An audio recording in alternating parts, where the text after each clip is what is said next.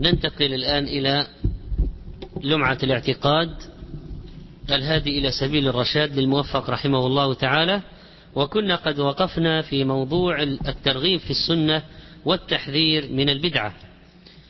قال رحمه الله تعالى وقد أمرنا بالاقتفاء لآثارهم والاهتداء بمنارهم وحذرنا المحدثات وأخبرنا أنها من الضلالات. فقال النبي صلى الله عليه وسلم عليكم بسنتي وسنة الخلفاء الراشدين المهديين من بعدي عضوا عليها بالنواجذ وإياكم ومحدثات الأمور فإن كل محدثة بدعة وكل بدعة ضلالة.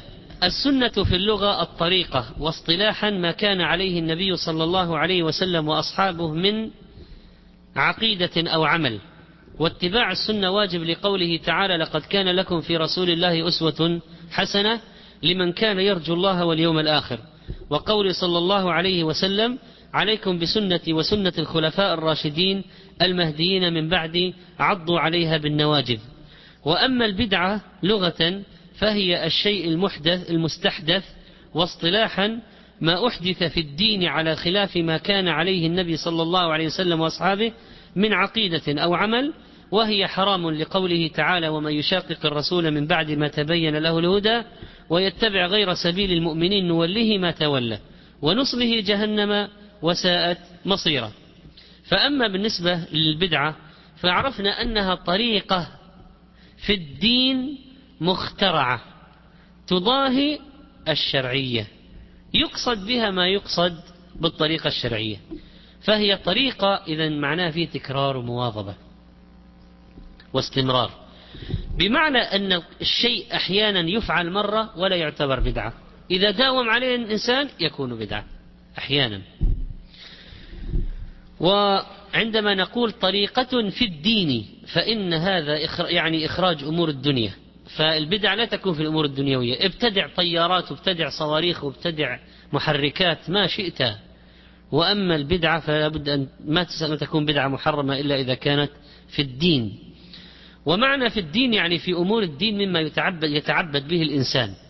وعندما نقول تضاهي الشرعية يعني تشابه العبادة الشرعية والطريقة الشرعية في الصورة الظاهرة.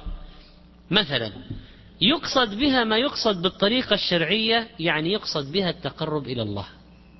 فالمبتدع لاحظ معي المبتدع لو جاء قال أنا قصدي طيب يا أخي. أنا قصدي بالمولد أن أتعبد ربي بذكر سيرة النبي والمدائح. أمدحه يا أخي. أما أمدح نبي أتقرب إلى ربي؟ نقول هو هذا تعريف البدعة. البدعة أنك تفعل الشيء تقربا إلى الله. بقصد التقرب. لكنه شيء غير مشروع. لكنه شيء ليس على طريقة النبي صلى الله عليه وسلم وأصحابه. لكنه شيء لا دليل عليه. أنت اخترعته.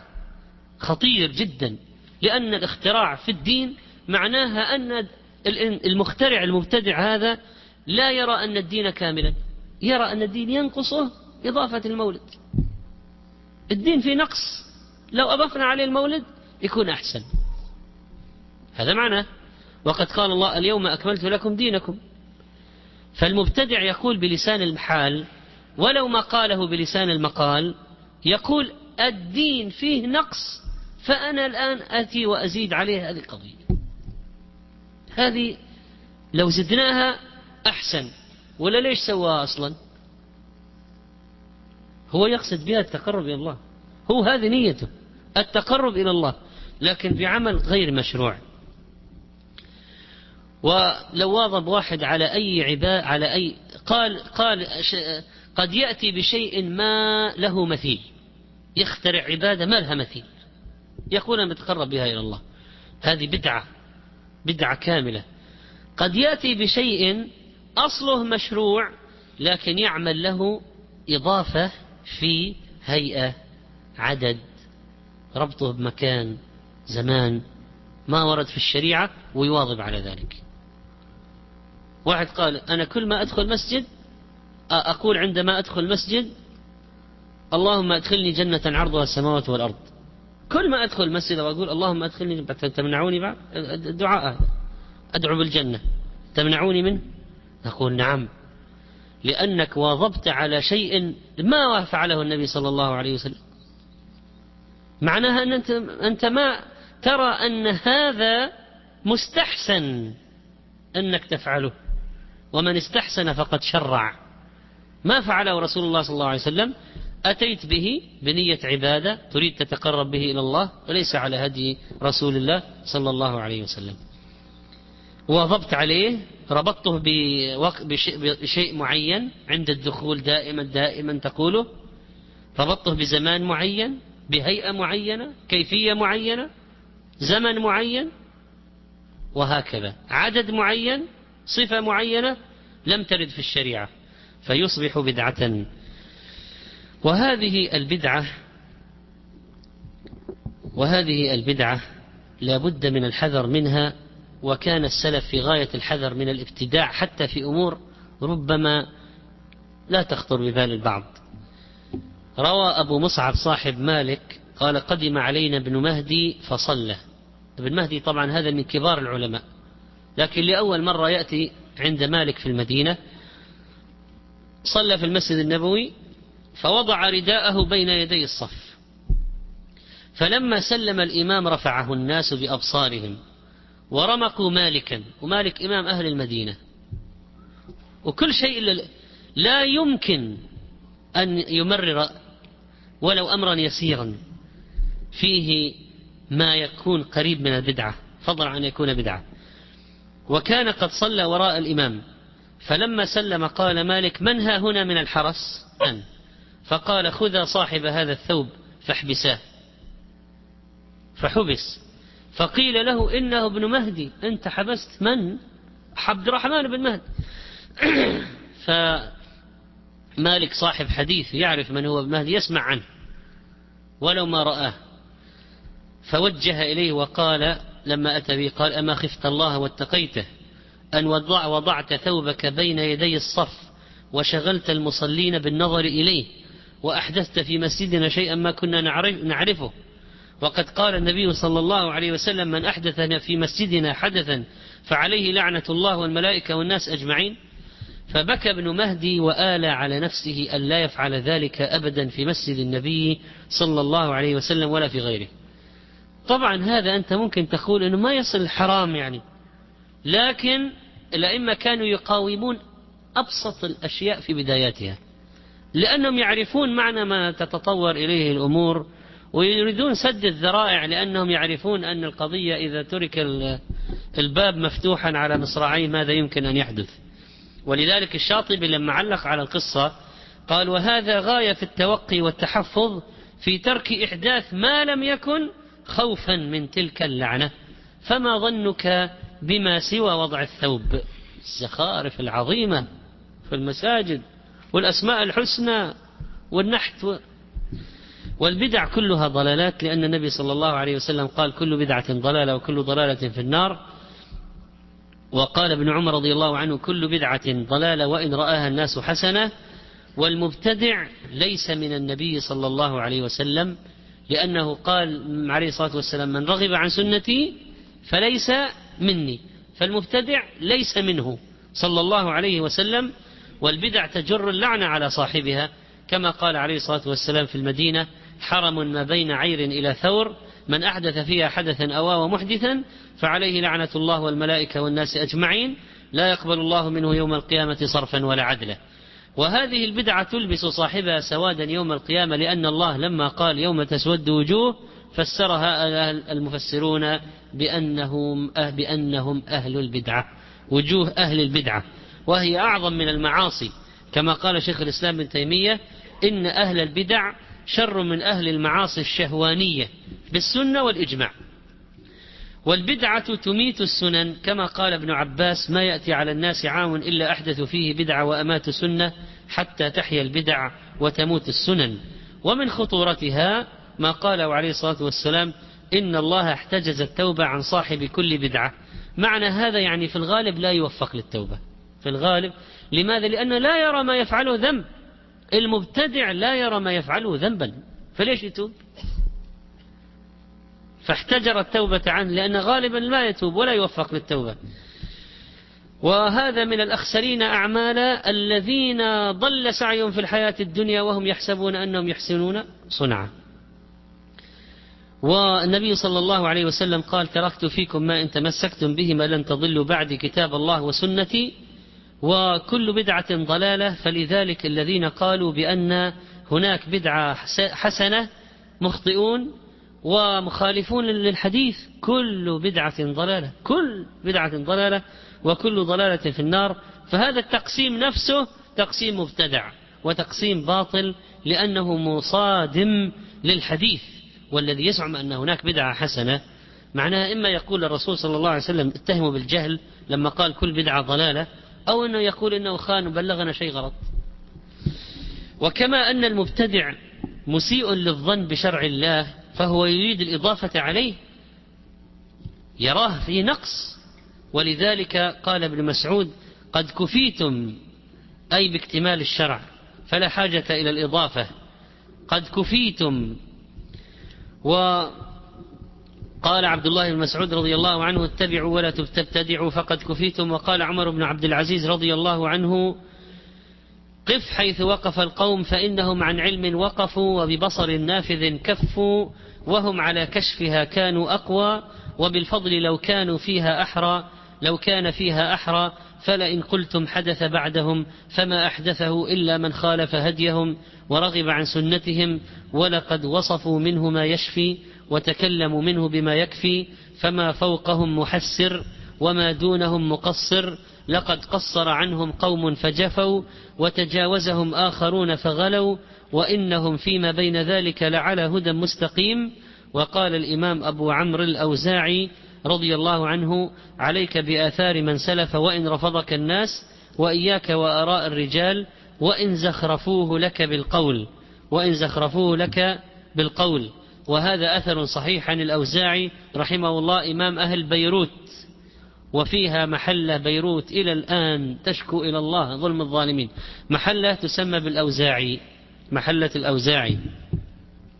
فكانت ديار سنة فأتى عليها ما أتى من العوادي حتى صارت ديار فسق وفجور إلا من رحم الله. وهذه الآثار الواردة في الترغيب بالسنة والتحذير من البدعة واضحة جدا وقد أورد المصنف رحمه الله أورد مناظرة للأدرمي. قال محمد بن عبد الرحمن الأدرمي لرجل تكلم ببدعة ودعا الناس إليها. هل علمها رسول الله صلى الله عليه وسلم وأبو بكر وعمر وعثمان وعلي أو لم يعلموها؟ قال لم يعلموها. قال فشيء لم يعلمه هؤلاء. أعلمته أنت؟ قال الرجل فإني أقول قد علموها. قال أفوسعهم أن لا يتكلموا به ولا يدعو الناس إليه أم لم يسعهم؟ قال بل وسعهم. قال فشيء وسع رسول الله صلى الله عليه وسلم وخلفائه لا يسعك أنت؟ فانقطع الرجل. فقال الخليفة وكان حاضرا لا وسع الله على من لم يسعه ما وسعهم. وهكذا من لم يسعه ما وسع رسول الله صلى الله عليه وسلم وأصحابه والتابعين لهم بإحسان إما من بعدهم والراسخين في العلم من تلاوة آيات الصفات وقراءة أخبارها وإمرارها كما جاءت فلا وسع الله عليه. الخبر الذي ساقه رحمه الله للأدرمي هناك رجل اسمه عبد الله بن محمد بن إسحاق الآذرمي وله مناظرة حصلت مع بعض المبتدعة بحضرة الواثق بالله. بحضرة الواثق بالله. هذه المناظرة ذكرها بعض الأئمة في مصنفاتهم وساقوها وساقوها.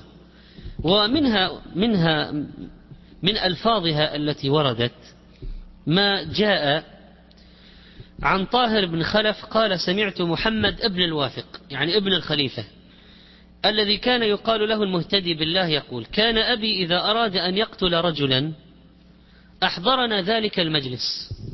لنخشد القتل فأتي بشيخ محصور مقيد فقال أبي إذنوا لأبي عبد الله وأصحابه يعني من أبي دؤاد لأن الخليفة كان استولى عليه أهل البدع أكثر من خليفة وراء بعض. دخلوا عليهم صاروا حاشية فالبطانة استولوا على الخليفة. فيأتون إليه بمن خالف أهواءهم فالخليفة يقول هاتوا من أبي دؤاد ليناظره ليقيم عليه الحجة ثم يقتله. يعني هذا من العدل يعني عنده.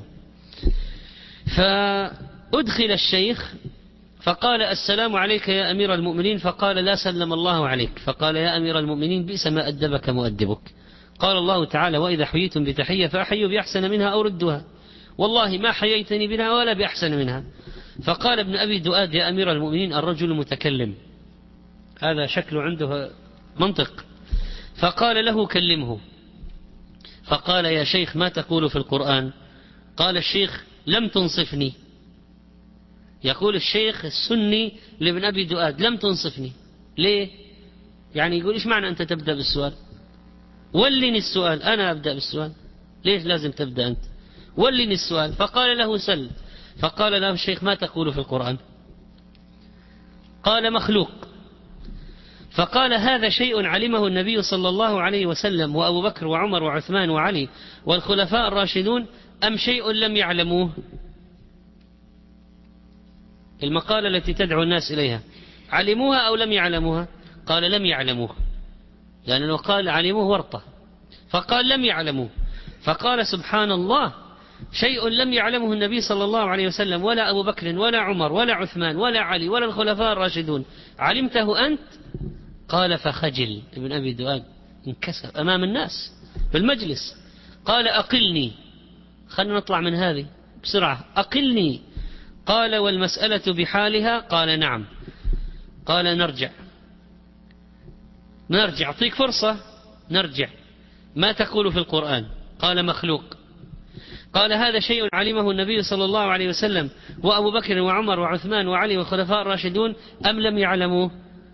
فقال علموه ولم يدعوا الناس إليه. شوف اللفة. علموه ولم يدعوا الناس إليه. قال أفلا وسع كما وسعهم؟ يعني هم ما دعوا الناس إليه. أنت وخليفتك تدعوان الناس إليه على السيف الذي لا يجيب تقتلانه. ثم قام أبي فدخل مجلس الخلوة ابن الخليفة يقول واستلقى على قفاه ووضع إحدى رجليه على الأخرى وهو يقول هذا شيء لم يعلمه النبي صلى الله عليه وسلم ولا أبو بكر ولا عمر ولا عثمان ولا علي ولا الخلفاء الراشدون علمته أنت؟ سبحان الله شيء علمه النبي صلى الله عليه وسلم وأبو بكر وعمر وعثمان وعلي والخلفاء الراشدون ولم يدعو الناس إليه. أفلا وسعك ما وسعهم؟ يكرر كلام الشيخ. ثم دعا عمارا الحاجب فأمر أن يرفع عنه القيود ويعطيه أربعمائة دينار ويأذن له في الرجوع وسقط من عينه ابن أبي دؤاد ولم يمتحن بعد ذلك أحدا. هذه يعني القصة التي تبين كيف كان أهل السنة يناظرون أهل البدعة وهذه كانت بداية النهاية لفتنة خلق القرآن. ونتابع إن شاء الله في الدرس القادم وصلى الله وسلم